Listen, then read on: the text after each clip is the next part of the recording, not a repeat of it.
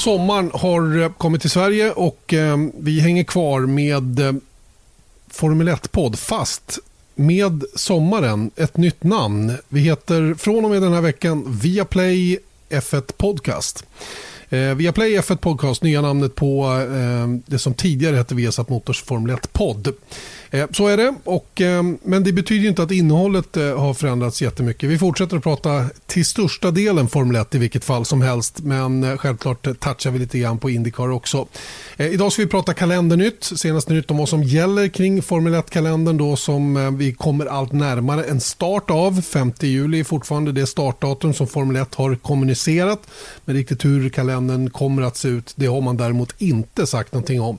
Indycar har släppt sin tredje version diskussion nu eh, bara för någon dag sedan. Vi pratar mer om simracing, vi tar upp eh, positiva saker och en del negativa saker om simracingen som börjar gå tillbaka till sin normala status känns det som. Eh, vi pratar lite Aston Martin också som eh, ser ut att få en ny vd som kommer in ifrån Daimler, eh, från Mercedes alltså och eh, vad det betyder och hur det ser ut för Aston Martin inför det här um, namnbytet då som kommer att ske inför 2021. Vi pratar silly season förstås, för där fortsätter ju mycket eh, surr fortfarande och de eh, huvudpersonerna just nu verkar vara Valtteri Bottas och Sebastian Vettel. Och sen ska vi prata lite nyheter också reglementsmässigt. Eh, budgettaket ser ut att ha blivit fastställt nu och en eh, ny utvecklingskvot för teamen att förhålla sig till med hur mycket man får jobba med aerodynamiken på bilarna. Eh, och en hel del annat ska vi gå igenom där också. Erik Stenborg, glad sommar. Tack detsamma. Bra löp. Ja, men det tycker jag. Det var, det var ett fint innehåll i alla fall vi kan bjuda på idag trots att det fortfarande alltså inte körs någonting. Ehm, och ehm, ja, det är ju bara, man går och väntar. Man går som en äggsjuk höna bara och väntar på att få något form av eh, riktigt besked. Ehm, du och jag har pratat fram och tillbaka en hel del om Indycar-premiären då eftersom vi båda är inblandade i den och den verkar ju trots allt bli av. Mm. Det råder väl inget tvivel om, eller? Nej, det tycker jag inte. jag tror att, eh, som sagt, att Indycar hade väldigt stora ögon på, på Nascar och de lyckas ju genomföra sina race eh, enligt plan så att säga i alla fall. Och eh, sen så är de ju också annorlunda sett till hur de genomför de där racen. Men, men de gör det och eh, hittills har det ju sett ut att gått bra i alla fall. Så att jag, jag tror eh, att eh, Texas den 6 juni på nationaldagen, då ska vi förvänta oss att att eh, få se Indycar-premiären 2020. Mm, och eh, lite grann hur den lördag och söndag kommer att se ut kan vi väl komma till lite längre fram. Men, men eh, det kommer att bli en, eh, en lång kväll, natt. Det kan vi väl i alla fall avslöja redan nu. Ehm, angående kalendern för Formel 1 då, så är det ju som jag sa i, i, i löpet eller ingressen här eh, så att man siktar på start 5 juli i Österrike eh, med ett andra race i Österrike helgen efter då, den 12 juli. Men sen är det ju lite frågande då hur, hur det kommer att se ut. För Silverstone har ju eh, velat ha de slottarna som kommer direkt efter dem med två stycken race. Problemet är ju den här 14 dagars karantänen som kommer att införas nu när landet öppnar upp då i juni. Eh, och det klarar liksom inte Formel 1. Det blir, det blir för många dagar. Och då har man försökt förhandla med den brittiska regeringen eh, och myndigheterna där om att få en kortare Eh, få ett undantag helt enkelt, en kortare eh, karantänstid på bara fem dagar vilket skulle möjliggöra då att köra eh, Storbritanniens Grand Prix utan publik då givetvis på Silverstone två helger efter varandra. Och inledningsvis så sa man att ni får inget undantag utan ni får hålla er till de 14 dagarna vilket naturligtvis då komplicerar saker en hel del för arrangörerna på Silverstone. Men nu verkar det inte vara riktigt över ännu utan nu har förhandlingar pågått med, med premiärministern, med Boris Johnson då, som enligt uppgift har sagt till kabinettet att försök få Formel 1 att bli av. Ja, Precis så är det.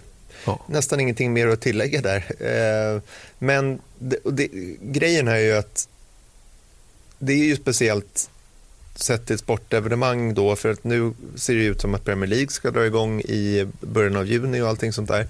Och det som F1 ståndpunkt i allt det här är ju att de ser ju sig själva som ett, eh, majoriteten är ju baserad i, i Storbritannien, sju av tio team. Sen så ska de ju genomföra helgerna på ett väldigt speciellt sätt. De pratar ju fortfarande om den här biosphere, att de ska inte ha någon kontakt med, mellan teamen och allting sånt där. Så att de menar då att, ja okej, okay, men vi förstår de här 14 dagars karantäntiden men vi ska genomföra det på ett sätt, en egen kontroll helt enkelt. Och Det är det de försöker övertyga den brittiska regeringen om. då. Och Det är väl det som känslan är i alla fall att Boris Johnson är med på noterna där eh, sett till vad Formel 1 vill göra eh, för att kunna genomföra det på så säkert sätt som det bara går. Och, eh, så att, förra, för, förra veckan så, så kom ju den här nyheten eh, under tiden vi spelade in i stort sett Eh, du fick med en liten en, en brasklapp där om, om vad som hade hänt och då, då kändes det inte alls speciellt troligt längre. Eh, det är inte lika troligt som när vi spelade in förra veckans podd men det är inte över. Och framförallt inte i form av att om race på Silverstone överhuvudtaget för att om det inte skulle ske nu så snackas det om att kanske stoppa in ett eh, race i Silverstone i, eh, på, på Silverstone i augusti-september någon gång. Mm, för att köpa sig lite mer tid och för att se vad som händer med karantänsreglerna och om det är något annat som, som inträffar som skulle kunna hjälpa situationen så att säga åt deras håll. Då. Eh, givetvis för Formel 1 som gärna vill ha Silverstone i den här gluggen som man nu har stoppat in det och det tror jag är det som gör att vi inte får någon bekräftad kalender. Jag tror att det är det här som är eh, liksom, haken just nu. Eh, så fort att de datumen kan sättas, oavsett om man flyttar bort Silverstone, stoppar det längre fram eller kanske till och med tar beslutet att ta bort det och flyttar upp eh, och kör Tyskland och, flyttar upp Ungern. Så, så, någonstans behöver man liksom rubber stamp it och det är väl mm. det man väntar på just nu. Man greppar halmstrået här nu med brittiska staten och, och regeringen då som man, som man hoppas kunna eh, som man hoppas ska kunna jobba för Formel 1 så att säga. Och när det väl är klart, när det nu händer, då tror jag vi får kalendern till stora delar i alla fall och eh, det kommer att sätta Europadelen utav, utav det som, som man hoppas kunna köra. Mm. Och Då ska man komma ihåg att det var ju det som F1 sa tidigt att vi tänker inte dra igång den här säsongen om vi inte har en långsiktig plan för säsongen så att säga. Utan vi kommer inte köra så här, okej okay, men vi sätter igång 5 juli sen får vi se vad som händer. Utan jag tror, precis som du säger, att vi kommer få reda på 10 race i alla fall. Sen så är det fortfarande ett rörligt mål. Jag menar, mm. För man vet fortfarande inte vad som kommer hända i framtiden så att säga. Men jag tror att de, då har de en konkret plan och då ämnar de faktiskt att genomföra det precis så, så som det är skrivet.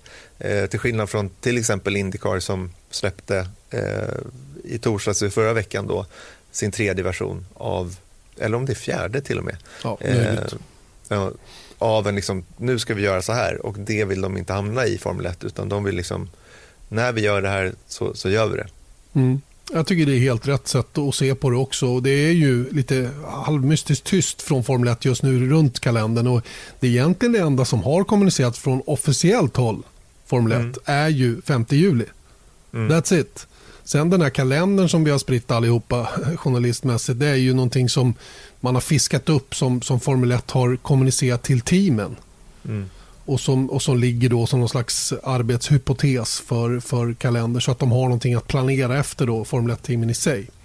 Så att, ehm, ja, det ska bli intressant att se när, när man som sagt väljer att trycka på knappen och vad det är som kommer att hända med kalendern. Man har ju ett reservdatum där också i slutet på november för ett extra race om det skulle behövas eh, mm. i form av Bahrain. Då. Eh, så att, eh, det är väl det man eh, kan eh, det är väl det man kan ha då i bakfickan om det skulle försvinna något här under Europadelen så får, får vi se vad som händer. Det är egentligen inte så mycket mer vi kan säga om kalendern i nuläget ärligt talat. Va? Det finns inte så mycket mer att tillägga om det utan vi får följa utvecklingen i, i Storbritannien i första hand och sen, sen får det bli vad det blir. När ska det trumma på dock? Så är det ju och sen så apropå den där Indycar-kalendern då som är, det finns ju en del svensk intresse där om man säger så. Eh, det är som sagt Texas eh, Motor Speedway som gäller 6-7 juni, 6 juni i USA men sen så går vi över natten. Och sen så har vi därefter då nästan en, en månad eh, glapp. Då ska de köra på Indy Grand Prix Circuit, alltså på Indianapolis eh, Motor Speedways eh, Road Course 4 juli och sen så en dubbelhelg på Road America senare i juli och sen så vidare in i Iowa en dubbelhelg eh, på den ovalen också. Mm. Och, och det, det, jag tycker det är eller Indycar helt rätt i att, att använda den flexibiliteten de har i att kunna köra doubleheaders. Mm. För, för, för deras del är det ju absolut inga problem att köra kval och race samma dag kval och race samma dag, lördag, söndag och liksom få till två tävlingar på det sättet. Det, det funkar hur bra som helst i, i, deras, eh, i deras format som de har. Så det tycker jag är briljant tänkt och, och, det gör ju att de faktiskt kommer att få ihop då vad det blir nu någonstans 13-14 race eller någonting i den stilen och en fullt acceptabel, ett fullt acceptabelt mästerskap. Mm. Hörru du, nu ska vi gå vidare till simracing för att jag satt här om dagen och eh, noterade när man följer alla de här motorsportsidorna och eh, pressreleaser och eh, mejl och allting som florerar fram och tillbaka så noterade jag bara själv att jag var simracing-nörd för bara två, tre veckor sedan. Men nu börjar vi som sagt närma oss en, en start av riktig racing så att säga. Eh, Nascar har redan börjat som sagt. Och då märker jag själv att mitt intresse för att faktiskt titta på hela race har gått ner drastiskt. Jag kollar en hel del på highlights fortfarande för att se lite, det är fortfarande kul, det är mm. saker och ting som händer på en bana. Men sett till an, anordnade race så känns det som att simracingen bara trummar på. Mm. Eh, bibehållen styrka så att säga. Men mainstream-intresset menar jag har, måste ha sjunkit något enormt. Alltså. Så fort, ju närmare en premiär vi kommer på riktig bana desto sämre har intresset varit för, för eh, alla de här simracen. Ja, och det är intressant också att notera skillnaderna i hur de här stora sporterna har attackerat det här med simracing. Formel 1 har ju mer eller mindre skojat bort det, haft massa inbjudna mer eller mindre obra förare och fotbollsspelare och vad det nu kan vara som, som hoppat in eh, och det blir liksom en plojgrej, inte minst senast i, i Monaco där det var mycket ja, det, var väl, det var ingen ordning och reda överhuvudtaget. Va? Samtidigt som Indycar gjorde en väldigt seriös eh, satsning på ett, på ett sexrace-mästerskap som i och för sig slutade lite tråkigt. Eh, The Race har ju kämpat på med sin del eh, och eh, nu senast då ett, en, en kortversion av eh, Indy med eh, till exempel Fernando Alonso och Jenson Button i en magisk fight, mm. ska tilläggas, om segern. Eh, riktigt, riktigt kul att se de avslutande varven. För jag gör ju precis som dig. Jag scrollar fram till det avgörande läget och så försöker jag se mm. lite grann vad, vad som hände. Och när man såg hur Button och Alonso bytte plats med varandra och, och, försökte, och koncentrationen när man såg dem i en liten infälld bild också. Så förstår man hur mycket de ändå satsade på att göra det. Va? Men, men det är liksom där det har, det har stannat nu då, i det avseendet. Va? Ehm, men, men ehm, jag håller med dig, mainstream-intresset, det här stora snacket om just sim, simracen verkar ha sjunkit eh, ganska radikalt. Mm. Men och ändå så var ju liksom, jag måste verkligen hävda att, att den här simracingflugan, eller vad man ska kalla det, om det nu är en fluga, det, det är kanske lite taskigt att säga det. Eh, ja, men det är det ju som... inte för de som håller på seriöst, men för oss andra är det ju lite, blev det ju liksom som en fluga.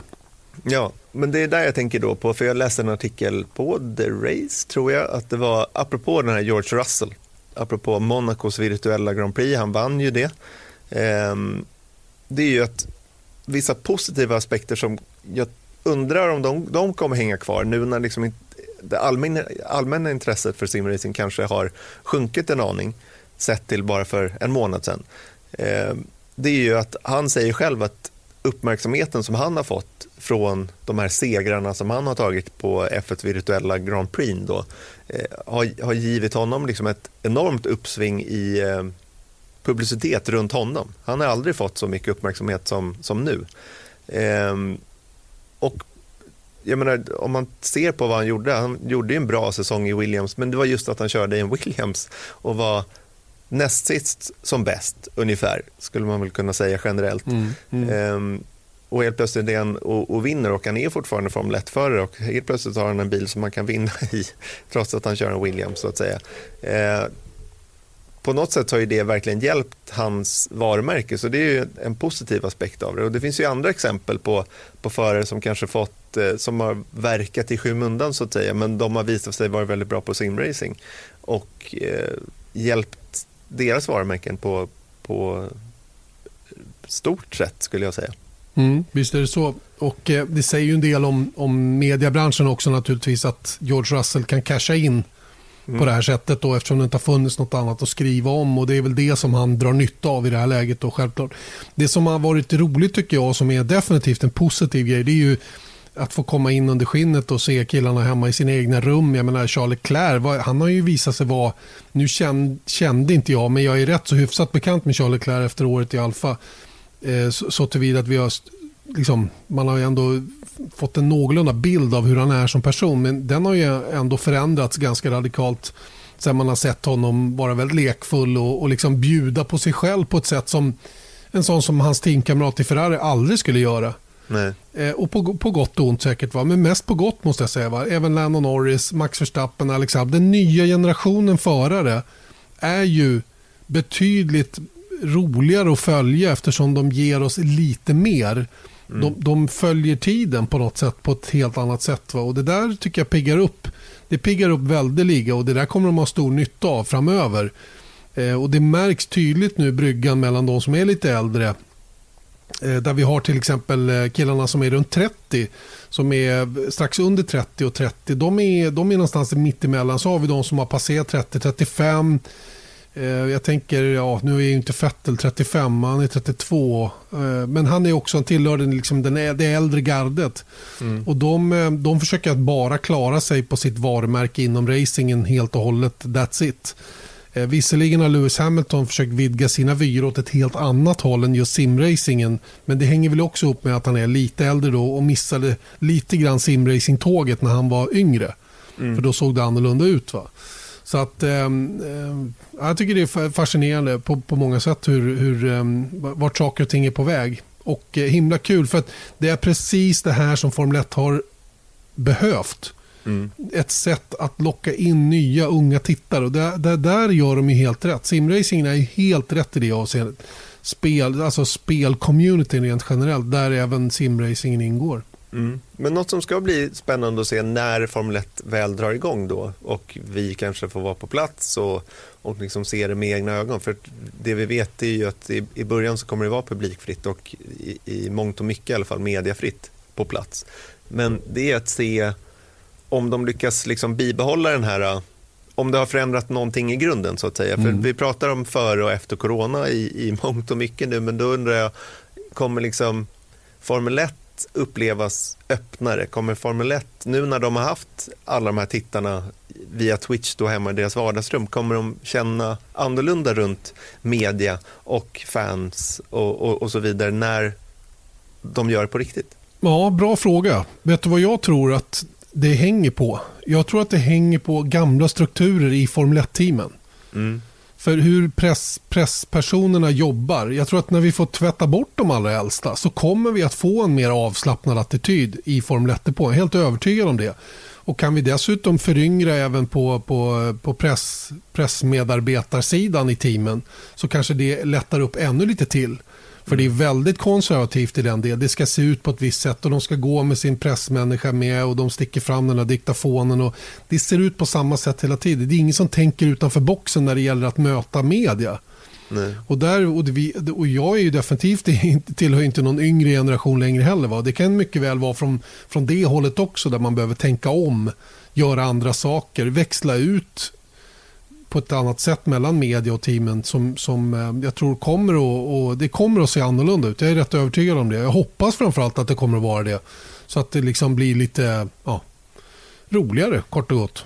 Mm. Och jag tror att det där kan faktiskt vara, vi kommer ju till de här nya reglementesförändringarna eller vad man ska säga nu och det gång på gång då, vi har pratat om det massa gånger i podden, är att jag förvånas över hur medgörliga alla teamen är.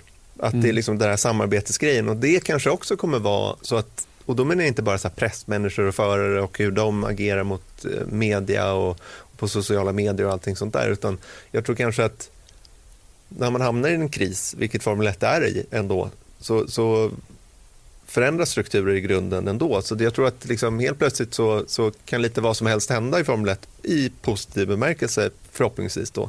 Att, eh, ja, vi kommer till det som sagt, men bara sett till helgen nu att de har ju givit över ansvaret till Liberty helt och fullt då för att förändra upplägget på helgen. Det kanske blir två dagars helg, det kanske blir eh, någonting annat. Liksom. Och eh, bara den öppenheten att släppa det, ja okej, okay, då kommer de här gamla strukturerna kanske förändras i grunden också. Hoppas, jag hoppas verkligen det, för det skulle behövas en, en liten en liten uppstädning där och, och liksom en, en, annan attityd mot allt och alla och att alla förstår då vilket ansvar man har från olika håll om att hålla saker vid liv och, och leverera en bra produkt. Mm. Det finns ju ett antal negativa saker också som, eh, som vi har sett när det gäller eh, simracingen och det är ju det här hur man ska förhålla sig till det. Det tycker jag har varit svårt. Eh, det negativa har ju blivit då de förare som inte har förstått hur de ska förhålla sig till det.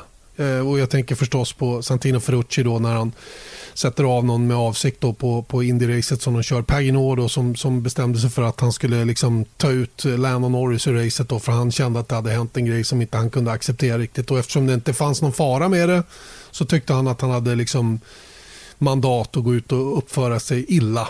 Eh, mm. och, och sådana där grejer har inte blivit bra. Va? Och det senaste är ju det här med Daniel Apt, Formel E-föraren då, som alltså hyrde in ett, ett e, simracing-proffs för att köra hans eh, Formel E-race. Mm. Eh, vilket eh, han blev påkommen med och har fått dryga böter. Och det är ganska big business om runt omkring det här som var ett sanktionerat race. Mm. Med partners och visserligen med, med um, um, det var ett välgörenhet, man drar in pengar till välgörenhet va? Är det inte så? Men, men, det var hur som helst, eh, det var ehm, sanktionerat då av Formel E-organisationen då och Daniel App betedde sig på det här viset. Va? Alltså, det, det jag gjorde bara för att tala, tala klarspråk är att, att någon annan fick köra under hans namn. Så ja. det var Daniel Apt eh, som, ställ, eh, som ställde upp i racet men killen som han som körde åt honom satt på en helt, annat, eh, helt annan ort och då upptäckte, eh, vad är det, iRacing? Kanske, jag vet inte vad de använder plattformarna. Ja, de, de, noterade då att han satt på fel IP-adress och eh, upptäckte då att det var inte han som körde.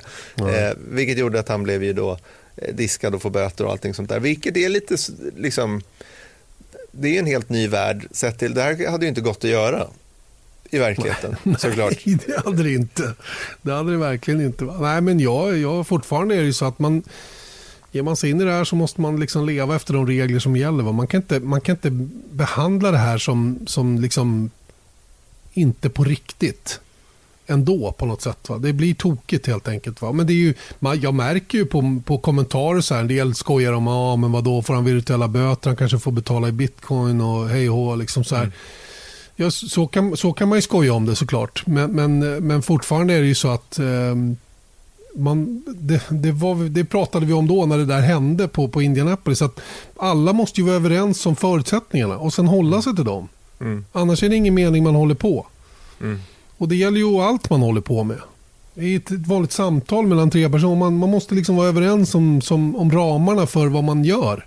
Mm. För att det ska bli någon seriositet i det. Visst, men jag tror, att, jag tror att det är liknande i Formel E då som, som det är i Indycar. Det var ju att eh, alla förarna i Indycar var ju liksom required, att de var ju tvingade till det här så att säga. Mm. Och mm. Eh, som vi har sagt många gånger, när det går bra, för de förarna gick, gick bra för, eh, de hade inga problem att bli tvingade till det här. Men de som inte var så roade av det eller speciellt talangfulla att köra simracing, de var inte alls lika road av att tvingas köra det här då. Och det är ju lite konstigt om man ser det på ett sånt sätt att okej, okay, du är kommentator Janne, mm. men nu, eh, nu eh, finns ingen att kommentera så nu måste, måste du spola tillbaka alla band i vår mm. bandarkiv. Mm. Ja, det är ju liksom, okej, okay, du kanske gör det men du kanske inte gör det med glädje. Nej, nej men så är det ju och sen, så, och sen så hoppar du över och spolar tillbaka några band och säger att de är tillbaka spolade. Ja, men då får du böter istället. Mm, mm. Och, då kan ju du känna så här, men fan det här är inte mitt jobb. Förstår du? ja, men det är ju lite, det är en dålig liknelse. Jag är aldrig ja, speciellt alltså, bra på liknelser. Ja, fast den sätter ändå fingret på problemet. Tycker jag, ja. liknelsen. De är ju inte simracingförare, de är nej, racingförare. Nej, nej, det är de inte. Va? Ja. Men, men det betyder ju inte att man får bete sig illa för den skull. Jag tycker ändå, även om man, om, även om man agerar eller inte är så bra på det man ska göra så får man ändå agera utefter, utefter från de givna regler som finns. Mm. Det måste jag säga. Om, om någon säger åt mig att spåra tillbaka, då får jag göra det. Jag, återigen, kanske inte, men det har väl med moral, egen moral att göra. Snarare än att man inte tycker mm. att det är så kul. Eller, det, det är ju det som är grejen här. Du ska ju du är göra rätt dålig du... på att spela, spela tillbaka. Ja, ja, jag är sjukt dålig på att spela tillbaka band. men, men alltså, eller hur? Är det inte det? Det, är, det, är en moral, det handlar ju om att göra rätt för sig. Absolut. Jag, ja, men, alltså, jag. jag. försvarar inte nej, nej, nej, dem, men jag, jag, kan ändå, jag kan ändå se typ sådana som Alexander Rossi eller James Hinchcliffe eller de där som, som just var en, i den kategorin att de gjorde ingenting dumt alla Santino Ferrucci eller Simon Pagenaud eller Kyle Larsson eller Daniel Apt. Men, men de var ju ändå inte roade av det. Nej. Så att säga. Och det märktes men, ju utåt på deras sätt att hantera det såklart. Va? Tyvärr. Ja. Men de har ju kört mycket annat. Men de, som jag uppfattar de du räknade upp av Indycar-förare, de vill ju mera göra det här på skoj. Och mm. de har ju kört lite sådana här dirtbilar och gud och sladdar fram och tillbaka och, och, och tyckt att sånt har varit roligt. Legends-bilar och men just mm. när det handlar om att köra Indycar-bilen då var de inte så roade av det va? för de visste att de kommer inte vara där uppe och det kanske skadar deras varumärke. Inte mm. vet jag om det är liksom deras... Eh, Okej, okay. eh, avslutningsfrågan då Erik. Mm. Ser du annorlunda på simracingen i grunden numera? Efter den här lilla eh, genomgången. Mm. Jo, men jag måste säga att, att jag nog gör det. Jag tycker att det, det är... Ehm, det är väl alltid så i och för sig när man inte har kunnat så mycket om det. Man vet vad det är. Man vet att de, att de kör och de som gör det är, är i många fall väldigt duktiga. Ehm, men inte mer än så. Men nu har man till och med liksom provat lite lätt själv så att säga. Även om jag gör det på Playstation, så, vilket är inte är samma sak. Men just när man har förstått att hur mycket det har hjälpt vissa förare, däribland Marcus Eriksson till exempel, att, att uh, faktiskt få en, uh, sätta igång samarbetet med Chip Ganassi Racing till exempel. Det tycker jag säger allt i den formen. Men sen så också när man har sett på simracing då när, man, när eh, racingproffs eh, möter simracingproffs då förstår man ju hur jävla duktiga simracingproffsen är. Mm. Eh, så att absolut har jag fått, jag säger så här, jag har fått absolut större respekt för simracingen överlag. Mm. Hur känner du själv? Jag tycker att man kan se på det som att det är en egen sport. Och det ska mm. vara en egen sport. Och de som är duktiga på det, utövare, de ska hålla på med det här på absolut högsta seriösaste nivå. Eh, och de ska få göra det och betraktas som seriösa utövare. Det, det är väl min uppfattning. Och sen, sen tror jag och hoppas att det kan, det kan spinna ut eh, vintermästerskap eller någonting i den stilen. Va? Där man faktiskt bestämmer sig för att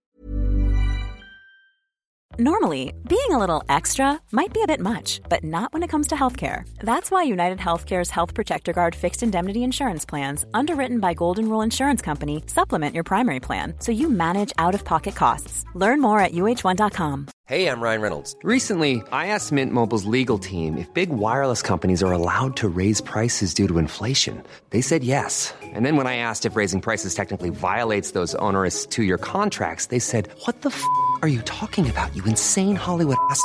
So to recap, we're cutting the price of Mint Unlimited from $30 a month to just $15 a month. Give it a try at mintmobile.com slash switch. $45 up front for three months plus taxes and fees. Promoting for new customers for limited time. Unlimited more than 40 gigabytes per month. Slows. Full terms at mintmobile.com.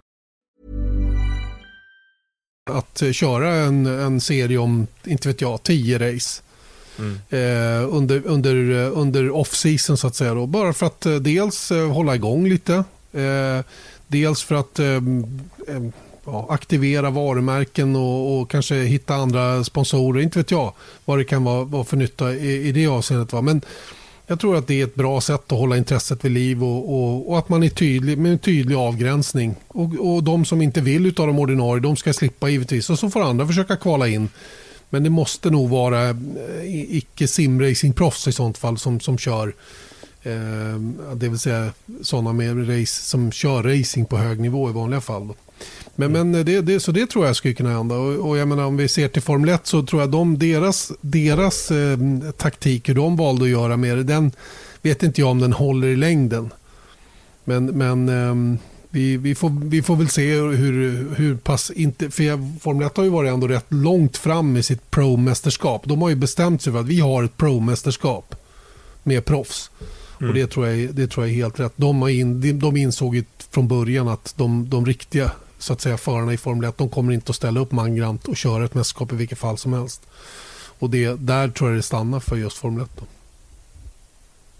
Via Play, Formel 1 Podcast fortsätter med nytt namn för den här veckan alltså och eh, ett bra tag framöver gissar jag.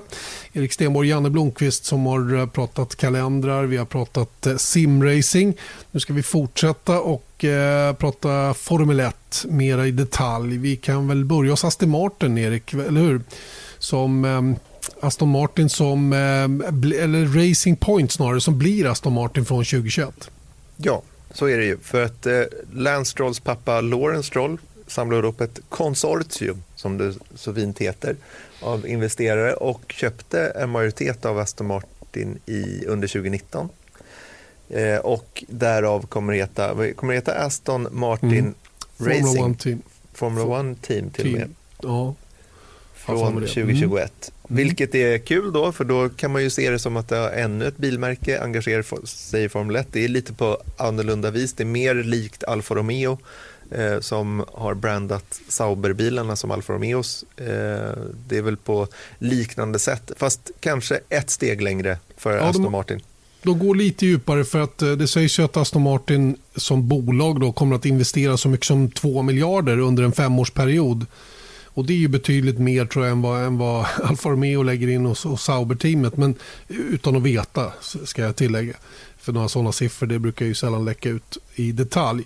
Men, men eh, det känns som att det är ett djupare samarbete mellan Aston Martin och Racing Point som, som, vi, som vi ser. Men där det kanske är en, en splittrad variant där det delvis är marknadsföring då och delvis är ren, rent eh, penga, pe, skjuta in pengar i Formel 1-teamet. så att säga. Mm. Man kan ju se det som, som så att Lawrence Stroll äger Racing Point ja. och Lawrence Stroll äger majoriteten av Aston Martin. så att säga. Ja. Så att bara den kopplingen är, är ju större eh, än vad Alfa Romeo har med Sauber. Just som inte så. har något ägandeskap i, i Sauber överhuvudtaget. Och det, här är, det här håller på att bli ett himla intressant team tycker jag. Den här, eh, den här förflyttningen av kraft in i Racing Point, blivande Aston Martin, tycker jag man kan se på på ett intressant sätt. Nu får de ju förmodligen då en, en Mercedes AMG-chef som heter Tobias Mörs som kommer in och tar över efter Andy Palmer då, som, har, som har skött Aston Martin fram till nu men som Lawrence Stroll inte vill ha kvar där utan in med nytt, nytt folk. Eh, Mercedes som äger en del i Aston Martin Lagonda ska vi tillägga då, eh, mm. själva bilmärket. Eh, och Aston Martin-bilarna, gatbilarna har ju också eh, motorer då från AMG. Eh, och, och ehm, Toto Wolf köpte ju in sig, det kunde vi läsa oss till, i Aston Martin Lagonda återigen då, alltså inte i Formel 1-teamet. Mm. Eh, så det är viktigt att skilja på de här sakerna. Det är därför jag trycker på det lite grann extra då. Eh, och, och, så, så att, eh, att det kommer att bli starkt Mercedes-inflytande är kanske inte så konstigt. Vilket samtidigt blir lite mm, intressant då med tanke på hur Aston Martin-bilen är designad i år. Eh, den, den koppling som finns till Mercedes, eh, hela den där grejen. Det, det är liksom, man kan förstå om vissa av eh, konkurrentteamen är lite förundrade över vad det är som pågår där egentligen. Och mm. hur stort hot de faktiskt förväntas bli. För jag tror att de kan bli rätt så bra de här. Med, med rätt management och med rätt antal pengar på väg in.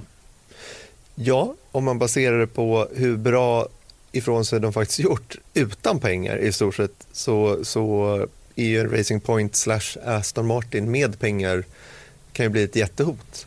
Alltså då, då snackar vi liksom, ja, beroende på hur, hur reglementena och sånt där går. Eh, men bara baserat tillbaka i tiden så var de ju ändå eh, fyra konstruktörs-VM två år.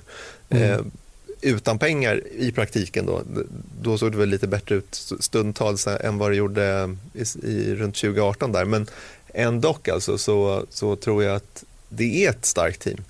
Och nu får de nya eh, facilities där i Silverstone där de baserade den här investeringen och just bara det faktum att andra sponsorer tror jag gärna blir associerade med Aston Martin på ett större vis än vad, vad man kanske vill associeras med en Force India eller Racing Point-namn. Eh, så att jag tror att eh, det ser bra ut, så att säga.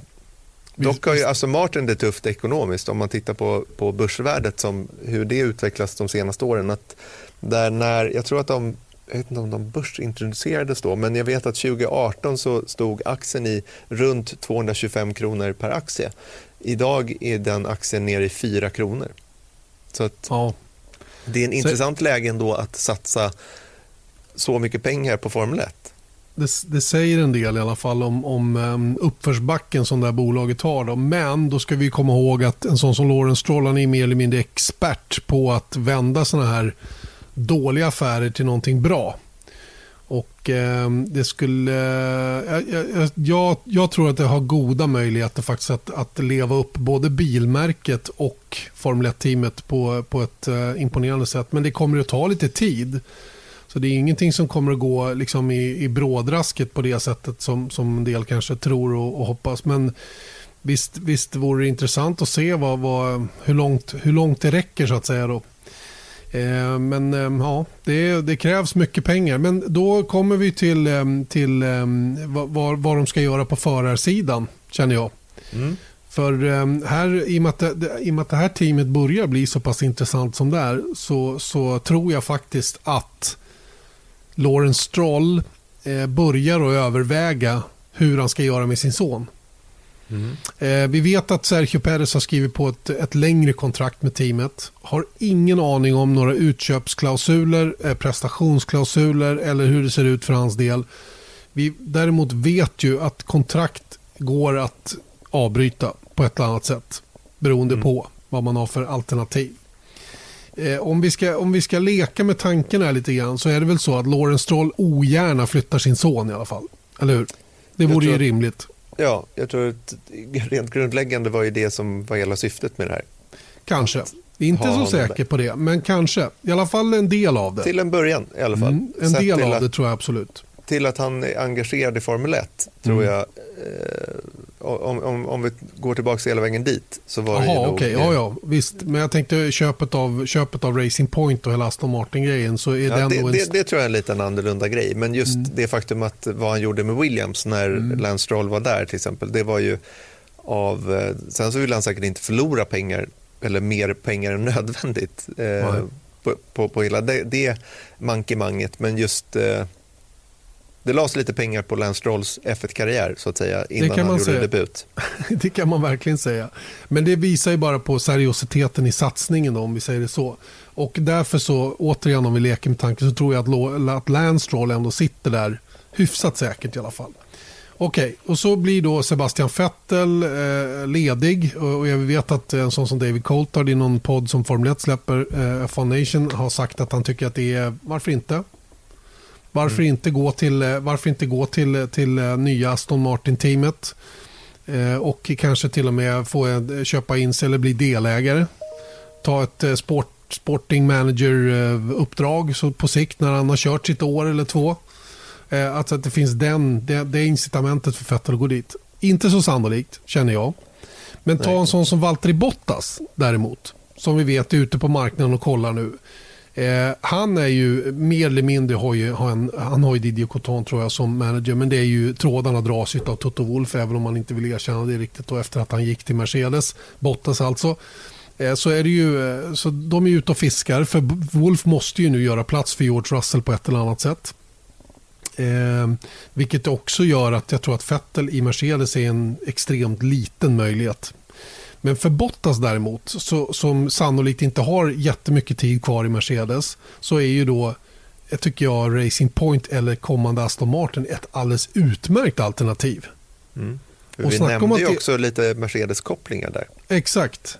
Och, och, just att Toto Wolf dessutom är, har fingrarna i syltburken när det gäller Aston Martin. Alltså det finns många brygger, eller många trådar mellan Mercedes, och, eh, och blivande Aston Martin med en sån som, som Valtteri Bottas liksom kan fläta ihop till en bro och gå över om du förstår vad jag menar.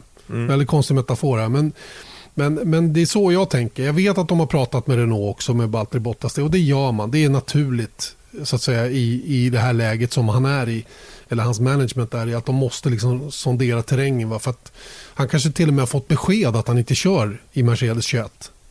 Förstår du? Det mm. kan mm. vara så. Nej. Mm.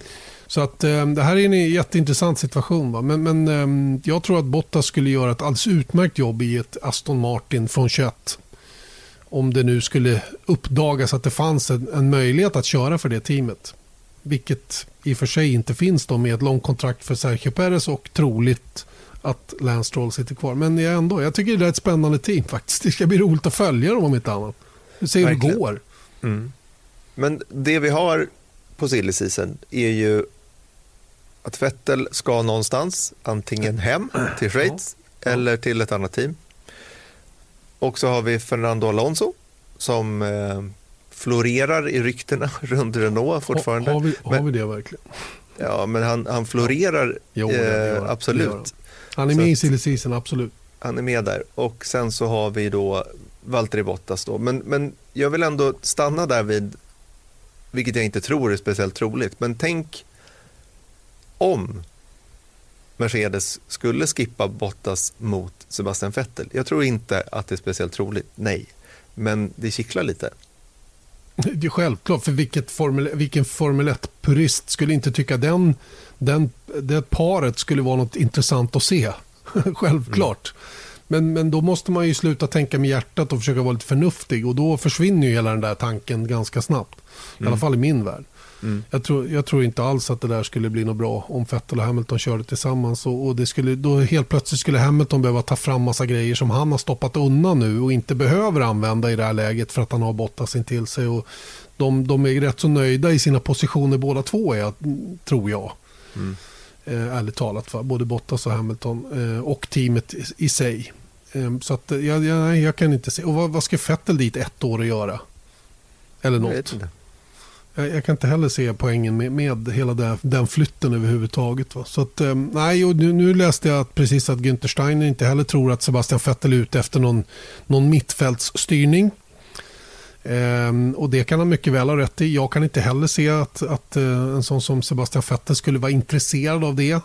Ehm, om det inte vore för att det fanns någonting annat i potten efter mm. avslutad karriär. Typ det jag nämnde kring Aston Martin. Mm. Då skulle jag kunna se det. Det, det, det. det, tycker jag är rimligt. Det som andra har påpekat och som man, jag liksom lyssnat och tagit in. Det är inte okay, jag som hittar på det. Ja. Vi har ju en stol ledig i alla fall. Och det är i Renault. Ja. Vem ska dit? Ja, men jag tror fortfarande att en sån som Nico Hülkenberg ligger himla bra till. Mm.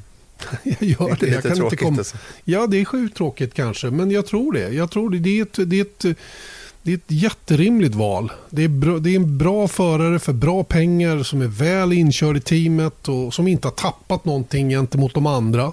Mer än två dagars försäsongstest och det kör han ikapp på nolltid. Förstår du? Det är, liksom, det är ingenting. Mm. Så att han, han är en, en, ett, ett väldigt, väldigt bra val för Renault. Eh, som, som är till rimliga pengar. För vi ska göra klart för sig att det är ju det, det, som inte vi har nämnt överhuvudtaget nu det är ju alla de här, allt det här jiddret om Renault ska vara kvar eller inte. Mm. Vilket hänger ihop med att stor Renault, eh, det börjar liksom dra lite snålt där och hela den biten. Va? Men nu var det senaste var väl Cyril Abiteboul som sa att Renault Formel 1-team är i sporten för att stanna länge. Mm. Vad det nu betyder, förmodligen ingenting. Men du, eh, att, ja. det, det här var nämligen en lite ledande fråga. För ja. det lustiga är när, när vi snackar om det här då, är ju att nu pratar vi om att okej, okay, Nico Hülkenberg har inte tappat mer än, än försäsongstesten. Nej, men det är ju att det sjuka i allt det här är ju att allt det här är, riktas ju mot 2021. Mm. 2020 har inte ens kommit igång än. Så det är ändå en reflektion att det är lite weird att alla de här besluten runt förarmarknaden kom så pass tidigt. Nu var det ju av tydliga skäl så att säga att, att eh, Vettel bestämde sig för att eh, inte förnya kontraktet med, eh, med Ferrari och då, då, då blev det så här så att säga. Men faktum kvarstår ju att vi inte kört en meter i racetempo under 2020 och alla de här stora pjäserna har redan flyttats runt. Vi, vi sitter och funderar på vem som ska köra Renault och så vidare. Renault själva har ju sagt att de kommer vänta med beslutet tills att 2020 faktiskt satt igång. Men det är fortfarande den grejen att min, i, i mitt liksom bakhuvud när jag inte tänker på det ordentligt är att okej, okay, när i Österrike då kommer Sainz komma med röda kläder. Så är det ju inte. Han kör ju Nej. McLaren i år ja, fortfarande. Ja. Så det, är liksom, det är så sjukt tidigt. Det är som att eh, hela silly season har utspelat sig före försäsongstesten i stort sett. Det var väl som när Alonso gick någonstans. Jag kommer inte ihåg vad det var. Så gjorde han ju klart det typ ett år i förväg. Mm. Minns inte jag. Men det är säkert någon som kommer på och kan påminna oss om det. Men, mm. men visst var det rätt i det. Och det, det troliga är ju också att de här uppgörelserna som är gjorda nu med Sainz till Ferrari, Ricardo till McLaren var ju klara ett tag också. Mm. Så det betyder att de har börjat ännu tidigare. Mm. Eh, kanske redan under försäsongstestperioden. Mm. Och um, ja, det, mm. blir, det, blir um, det, det, är svår, det är svårt för alla. Det är jättesvårt. Det är ett intressant pussel. Och jag kan tänka mig att de som är managers nu och har i uppdrag att hålla koll på marknaden för sina respektive förare får göra skäl för pengarna. Mm. Det, det gäller inte att sitta på rumpan och inte veta vad man pysslar med. Jag kan, kan, eh, jag kan för övrigt rekommendera en av Beyond the Grid-intervjuerna med Julian Jacobi som, eh, som var bland annat manager åt Alain Prost och Ayrton Senna samtidigt. Han var en, mm. Det var en jätte, jättebra intervju för övrigt som, som gjordes och eh, den, där får man lite insikt eh, eh, om, om just den biten. Bra där. Vi får se helt enkelt silly season. Vi, vi, vi, ska väl dra igång säsongen till att börja med så får vi se lite vad, vad som... Vi måste ha någonting kvar att prata om där under off-season, hur lång Exakt. den nu blir.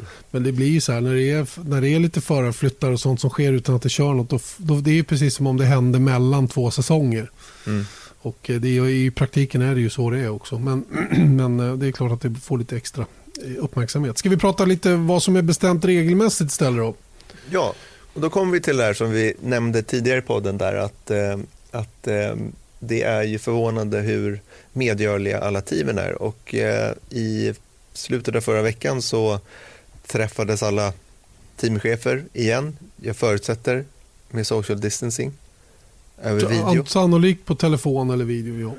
Mm. Och eh, då eh, kom det lite nytt här, det var ganska förväntat i och för sig då, men runt Eh, den här glide pathen, alltså en sänkning av budgettaket. Och det, det är de överens om, kanske inte formellt så att säga, utan de, men de är, de är överens sinsemellan så, så att säga. Sen ska det där klubbas igenom i World Motorsport Council. Eh, men då ser budgettaket ut som följer att till 2021, alltså nästa år, så kommer de ha ett budgettak på 145 miljoner dollar. Det kommer sedan sänkas med 5 miljoner dollar per år. Så 2022 har de 140 och 2023 har de 135. Då. Och det var ju den här målsiffran som bland annat Zac Brown hade i McLaren. Mm. Att eh, landa någonstans där. Eh, och eh, vips så är de där. Mm. Och man har dessutom bestämt att en säsong är värd en miljon dollar. Eh, vilket betyder då att om vi får, om vi får fler än 21 race, ja då går det 145 upp till 146. Får vi en säsong färre än 21, eller om det är 22, jag kommer inte ihåg vad gränsen var. Eh, jag tror att det är 21 race. race. kanske ja. menar. Ja. Racehelger, ja förlåt. Racehelger. Ja, ja. Så drar man bort en miljon dollar. Så mm. att um, det är bara en sån liten detalj som egentligen spelar någon roll. Det där tycker jag är bra. Um, jag, jag letade förtvivlat efter en liten tabell som jag hade sett på hur mycket pengar respektive team gör av med. Jag touchade på det tror jag förra veckan att eh, att Merca skulle behöva halvera sin budget som de har med de, de um, undantag som finns till budgettaket. Om man tar bort undantagen så att säga så är de fortfarande kvar runt 290 miljoner. Det var inte riktigt så mycket visade den här tabellen som jag såg men det var bra bit över 200 miljoner i alla fall som de har. Mm. Eh, och de måste nog ner de måste nog ta bort åtminstone 100 miljoner för att komma ner i, i, ehm, i det här budgettaket. Så det är mycket pengar som de stora teamen måste ta väck mm. för att komma ner i de här pengarna. Och Det är därför som det har tagit lite tid att komma till rätt siffra. Men alla har ju förstått behovet av att hitta det här budgettaket som, som gör sporten mer attraktiv eh, på alla sätt egentligen. Både kommersiellt och, och eh, sportsligt. Så är det. Mm. Och sen så från 2022, vi pratade om uppdateringstokens och poäng och allting sånt där. Att det skulle kunna vara vet, 20 poäng för en fram, framvinge och så har du bara 100 poäng eh, på framdelen av bilen till exempel. Det var någonting som driftades eh, tidigare under, under eh, våren eller sena vintern. Nu har de kommit fram till hur de ska göra det här från 2022. Mm. Och, eh, det som Intressant händer... att det bara blev från 22. Jag trodde att det skulle börja redan 21. Ehm, eh, huruvida de... Eh, för det var ju det som var grejen. Att de skulle, det här token-systemet skulle ju vara över 21.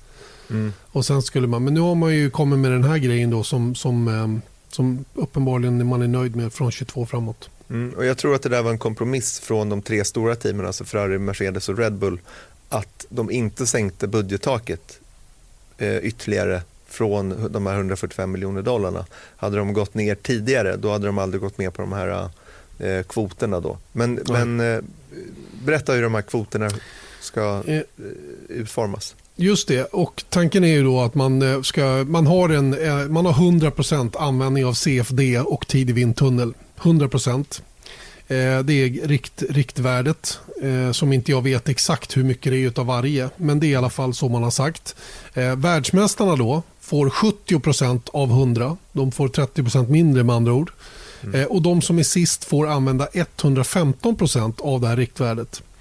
Eh, och Det är alltså CFD-tid, datamängd i CFD och tid i vindtunnel. Eh, vilket då är ett ytterligare sätt att, att, eh, att jämna ut dem mellan de bästa och de sämsta. Nu är det inte säkert att de, de som är längst bak har råd att använda 115% av riktvärdet men de har möjlighet till det i vilket fall som helst. Och de som är världsmästare. Sen är det då en glidskala, 5% per placering tror jag det var. Mm eh, som gäller då, eh, för de som kommer därefter. Och, och, och, bara för att liksom klargöra där så är det ju att vi pratar om datamängd i, i CFD, alltså alltså, Computational Fluid Dynamics. Fluid Dynamics, ja. Precis, och det är ju helt enkelt aerodynamisk utveckling i, i dator. Och sen så har vi vindtunnel. Så säg att vi har 100 gigabyte. Det är ju väldigt, väldigt mycket mer data som krävs Sam, för, för, för CFD. Då. Men då får Eh, riktvärdet är 100 gigabyte. Världsmästarna, alltså Mercedes, om vi baserar konstruktörs-VM eh, på fjolårets säsong så får de bara använda 70 gigabyte medan Williams får använda 115 mm. gigabyte mm. i sin CFD. Då. Precis så är det och eh, jag tycker det, det var ju lite snillrikt att komma fram till det. Framförallt är det ju en prestation att ha fått igenom alltihopa det här. Men mm. återigen, alltså, tiderna är sådana att man, inte, man, man kan inte hålla på och brottas för mycket nu och pissa in sina egna revir utan alla måste tänka för sportens bästa och det är det här som har saknats alla andra år. Det är därför det, är därför det kostar 4,5 miljarder att bli världsmästare i år. Mm. Eller just nu. Eh, och det, det, är ju inte rimligt. Och det, därför så får man ju säga att inget ont som inte har något gott med sig när det gäller just det här, eller hur? Nej, verkligen. Och det är ju ganska... Det är ett bra system så, så tillvida att då är det fortfarande så att det finns en budget cap. Eh, så att man får inte spendera hur mycket som helst. Eh, de som vinner har ju fortfarande incitamenten att få pengar. De får ju fortfarande mest pengar i prispengar så att säga. Eh, de som är sämst får ju minst, men de får ändå möjligheten att eh, de får en fördel helt enkelt med utveckling till nästa säsong. Då, vilket är jag, jag, tror att det kan funka bra. Jag menar, och, och, varför inte testa det? Det kommer alltid liksom justeras längs vägens gång såklart, antagligen med tanke på hur mycket som har hänt bara på de här månaderna sett till 2021-reglementet eh, nu som är 2022-reglementet. Så jag tror att det här kan bli bra. Jag hoppas mm. det. Verkligen. Eh, det de också kom överens om att Liberty alltså får lite mer fria händer då när det gäller utformningen av helgerna då under säsongen 2020 då för att eh, få till den här rätta antalet race.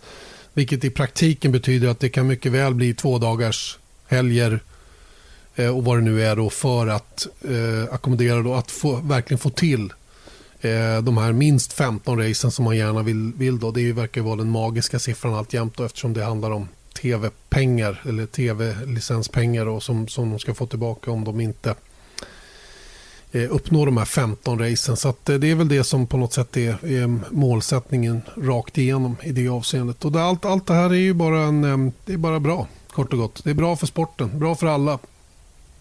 Jag bara hoppas ja. att allting kommer att bli normalt igen någon gång. Det kommer, det kommer. Förr eller senare så kommer det. Vi må hoppas det. Um, vi var inne på uh, Indycar-premiären. Ska vi avslöja något om vad vi gör uh, som avslutning på veckans podd? Vad vi gör den där första helgen? Hur ser det ut? Vad ska de förvänta sig, våra tittare? Ni, kommer ni kan förvänta er att få se allt mm. som händer på banan. Eh, träning, kval, race. Träning, kval och race och eh, även en del studio från Stockholm där eh, bland annat du kommer leda programmet. Just det, säga. där får jag sitta.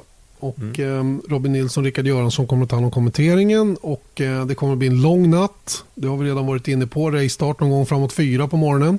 Mm, det varierar det, lite. Det glider ja. lite där också. Eh, ja. Men hur, hur den är så ska de köra i alla fall en och en halv timme träning tror jag. En timme 40 minuter eller någonting var det först. Om inte det också har ändrats nu då. Sen så kommer det ju en, en kvalkörning och sen sedermera race då. Alltihopa där under en och samma dag då eh, i amer, amerikansk tid. Vilket blir då kväll, natt och tidig morgon då svensk tid. Korrekt. Vi återkommer om, eh, med mer om detta till nästa veckas podd. Nästa vecka, ja. Precis. För det är ju faktiskt en vecka emellan. Ja. Så Ännu en ledig helg. Just det. det. Det här känns inte alls bra, Erik. Nej, men snart är det över. Hörru. Så att, jag, eh, jag hoppas verkligen det. Jag hoppas verkligen det. Håll i hatten. Jag håller i hatten så mycket jag bara kan. Eh, ja, jag vet inte. Finns det något mer att tillägga innan vi stänger butiken och går ut och njuter av eh, svensk försommar? Vi återkommer igen nästa vecka tycker jag och sen så sätter vi stopp där för den här veckan. Just det. Glöm inte nu att vi heter Viaplay F1 Podcast. Precis, glöm inte det. Nej, verkligen inte. Men eh, ni hittar oss på de gamla vanliga kanalerna, givetvis. Våra sociala medier och sådana saker. Så att allting ordnar sig. Ha det gött så länge. Hej då!